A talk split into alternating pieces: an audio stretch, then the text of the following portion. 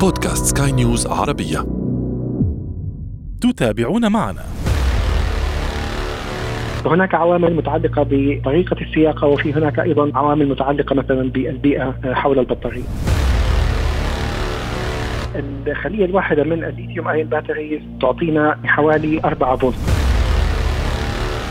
حوالي 220 phase الواحد ولكن لابد أن يكون هناك ثلاثة phase يعني فبالتالي نحن ننظر على 380 فولت. محركات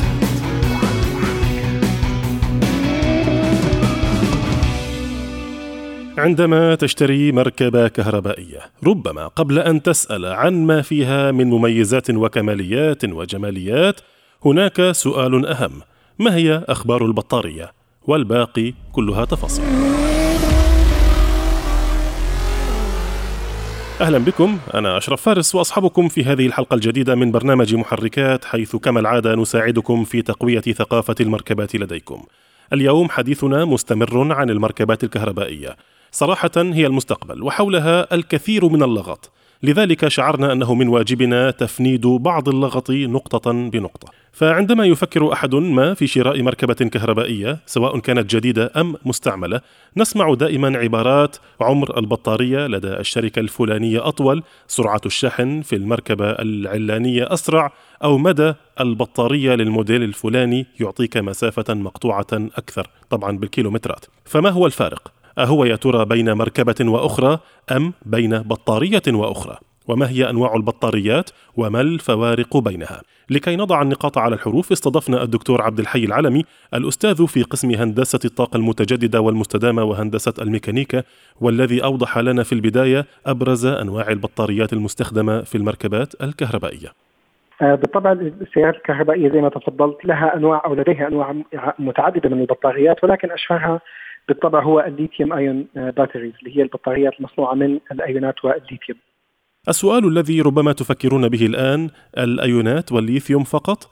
أليست هناك أنواع أخرى دارجة في السوق؟ بالطبع هناك الكادميوم آه، نيكل كادميوم بطاريات نيكل كادميوم والبطاريات اللي هي القديمة آه، بالطبع هي رخيصة ولكن آه، في نفس الوقت هناك الكثير من المحاذير لاستخدامها وهي بطاريات الرصاص ال lead acid أو الرصاص مع مع ال acid اللي هي البطاريات القديمة هذه اللي تتذكرها. وطبعا لها محاذير كثيرة يعني في الاستخدام ولكنها لا زالت تستخدم في بعض يعني خلينا نقول المركبات اللي هي الكهربائية ليس للشارع مثلا زي forklift في مصنع أو المركبات ال caddies الصغيرة لا تزال موجودة يعني ليرخص ثمنها وسهولة صيانتها. بما أننا نعطي أولوية لما يحتاجه المستخدم من عامة الناس فقد ركزنا حديثنا مع الدكتور عبد الحي على نوعين أساسيين النيكل والليثيوم. وكان السؤال هنا ما هي الأعمار الافتراضية لكل نوع منها وما هي الفوارق الواضحة بين هذه وتلك؟ والله هناك في يعني عدد من المحاور. واحدة منهم آه، اللي هي بالنسبة لكل خلية لأنه زي ما حضرتك عارف البطاريات مكونة من مجموعة من الخلايا المربوطة إما بشكل آه، يعني متسلسل أو بشكل متوازي يعني على التوازي أو على التوالي. آه، فالخلية الواحدة من الليثيوم ايون باتريز تعطينا يعني حوالي 4 فولت. بينما البطاريات من النيكل والكادميوم تعطينا أقل اللي هي السل الواحدة. يعني الخلية الواحدة منها تعطينا يعني حوالي 2 فولت. فبالتالي أنت يعني نحن نتحدث عن تقريبا نص الفولتية للخلية الواحدة. الحديث عن عملية الشحن يفتح الكثير من أبواب الأسئلة الفنية، الطاقة والجهد الذي تحتاجه تلك الشواحن وأبرز أنواعها، تلك تفاصيل تتنافس فيها الشركات المصنعة.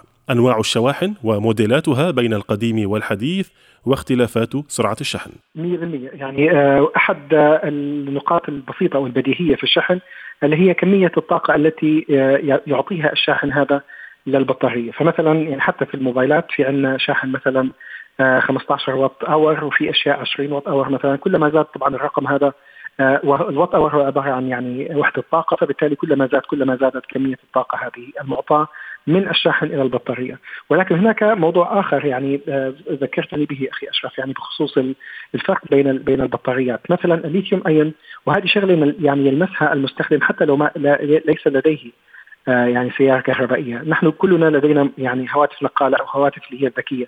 فهذه كلها تعمل ببطاريات الليثيوم أيون ونلاحظ أن كلما قلت الشحن أو نسبة شحن هذه البطارية أداء الجهاز يقل لأنه هذه إحدى الخصائص من بطاريات الليثيوم أيون آه، أن يعني الفولتية المعطاة من هذه البطارية تقل كلما قلت درجة شحنها. يعني مثلا عندما نكون 100% تعطينا الأربعة فولت التي تكلمنا عنها ولكن عندما ينزل مثلا الشحن إلى 50% ممكن نصل من كل خلية إلى 2 فولت. فهذه يعني يعني يكون هناك فروق في الأداء. وهذه الأشياء غير ملموسة مثلا في بطاريات اللي هي النيكل كادمي مثلا آه التي تعطينا نفس آه ليفل أو خلينا نقول مستوى الفولتية بغض النظر عن مستوى الشحن إلى أن نصل إلى يعني 20% من الشحن وساعتها يعني تتوقف تماما عن العمل. آه، يعني وأكيد آه، الكثير منا تعرض لهذا الموقف يعني السيارة تعمل مثلا في وقت معين وعندما تطفئها لا تعود إلى العمل مرة ثانية لأننا نكون قد نزلنا تحت ال 20% من الشحن. بالحديث عن المدى الذي تعطيه البطارية ربما وجب أن نسأل كيف يؤثر المدى على المسافة المقطوعة.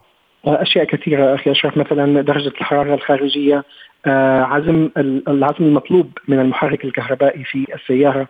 فكلما زاد العزم أو كلما زادت آه، يعني خلينا نقول الكثافة الطلب من هذا المحرك من البطارية فالبطارية هذه يعني تنزل آه، سعتها بشكل جدا كبير وبالتالي أيضا الفولتية ستنزل برضه بشكل كبير.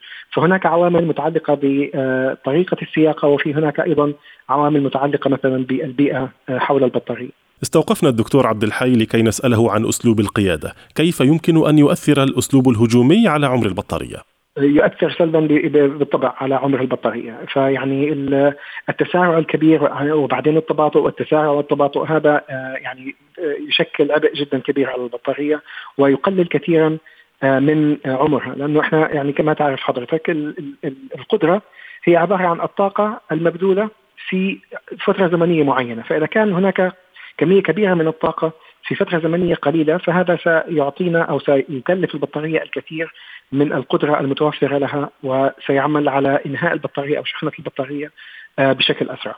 بالفعل كما هو معروف فإن تسارع المركبات الكهربائية يختلف كثيرا ويفوق عن المركبات العادية بشكل عام. الاستنتاج هنا أن من يشتري مركبة كهربائية بهدف السرعة والتسابق فإن هذا الأمر سيستهلك البطارية بسرعة كبيرة. فاصل قصير نعود بعده للجزء الثاني من هذه الحلقة ابقوا معنا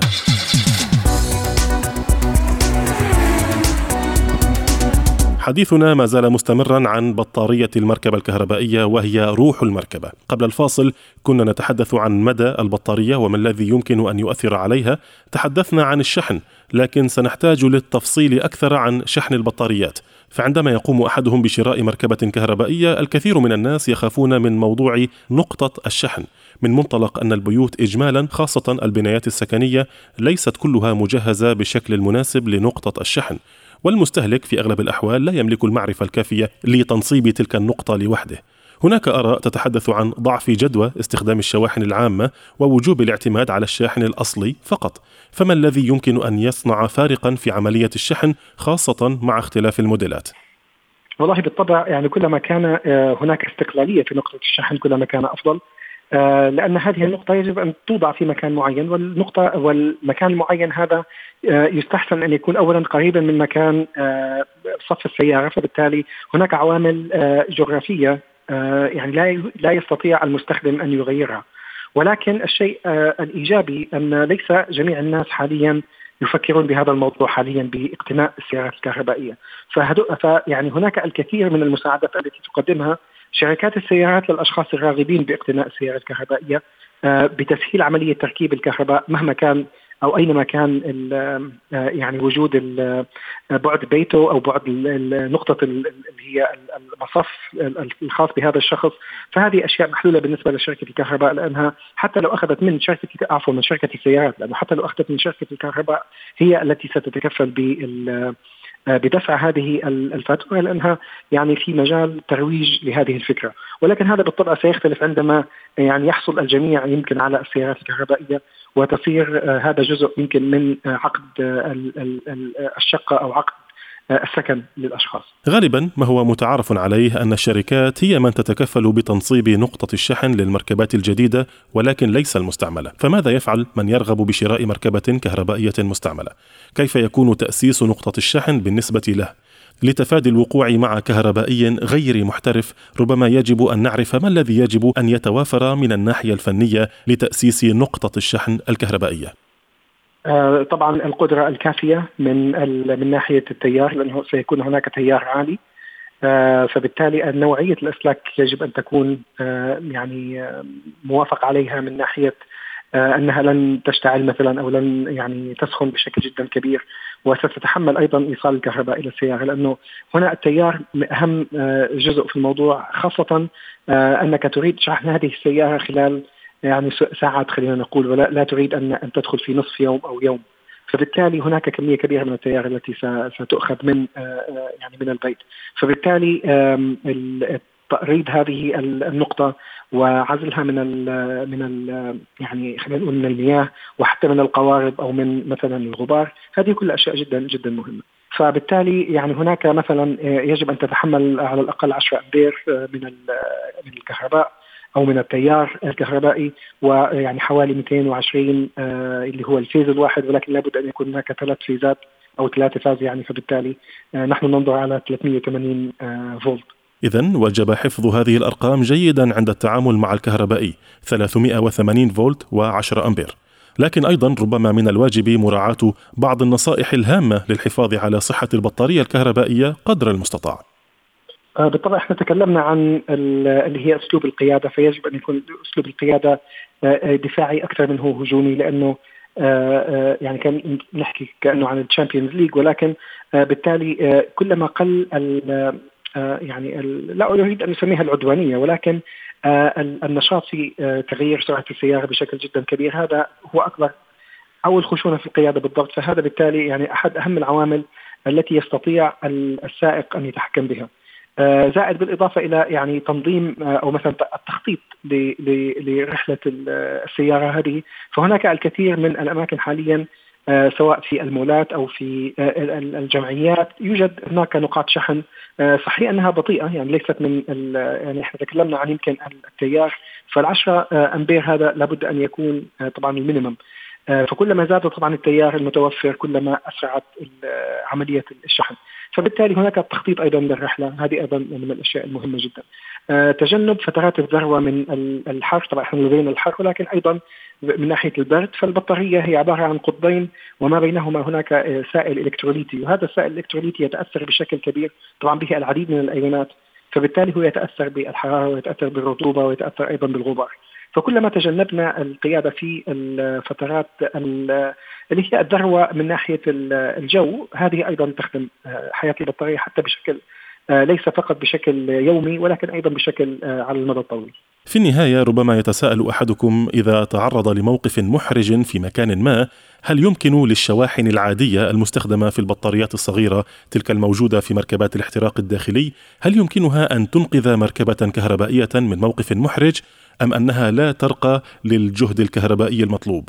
لا لا بالطبع لا ترقى وهي يعني آه، لأنه الشحن الكهربائي أو التيار الكهربائي قد يتجاوز الغلاف البلاستيكي الموجود على آه، على الكيبل هذا أو يعني اللي هو كيبل الشحن فبالتالي هناك الكثير من المحاذير من ناحية السلامة الصعقات الكهربائية أو أو الحرائق أو الأشياء هذه كلها لأنه لابد من استخدام آه، يعني آه، كيبل معين في استخدام معين وهذا الكيبل أيضا لا يجوز تحريكه يعني بشكل أو تحويله إلى إلى coil إلى شكل يعني لولبي لأنه سيشكل أو سيؤدي إلى آه، يعني خاصة في تيار عالي.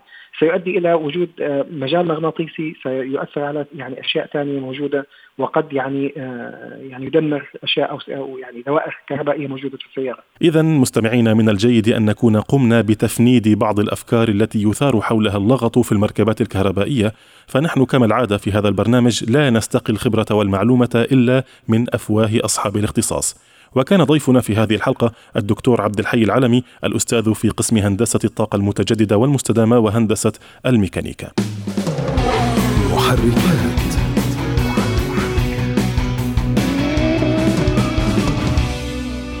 وأنتم مستمعينا الكرام وصلنا هنا إلى ختام هذه الحلقة من برنامج محركات حيث نسعى دائما لتقوية ثقافة المركبات لديكم. صحبتكم في هذه الحلقة إعدادا وتقديما محدثكم أنا أشرف فارس وكان معي في الإخراج الفني إيدي طبيب. دمتم دائما وأبدا في أمان الله. مع السلامة. محركات.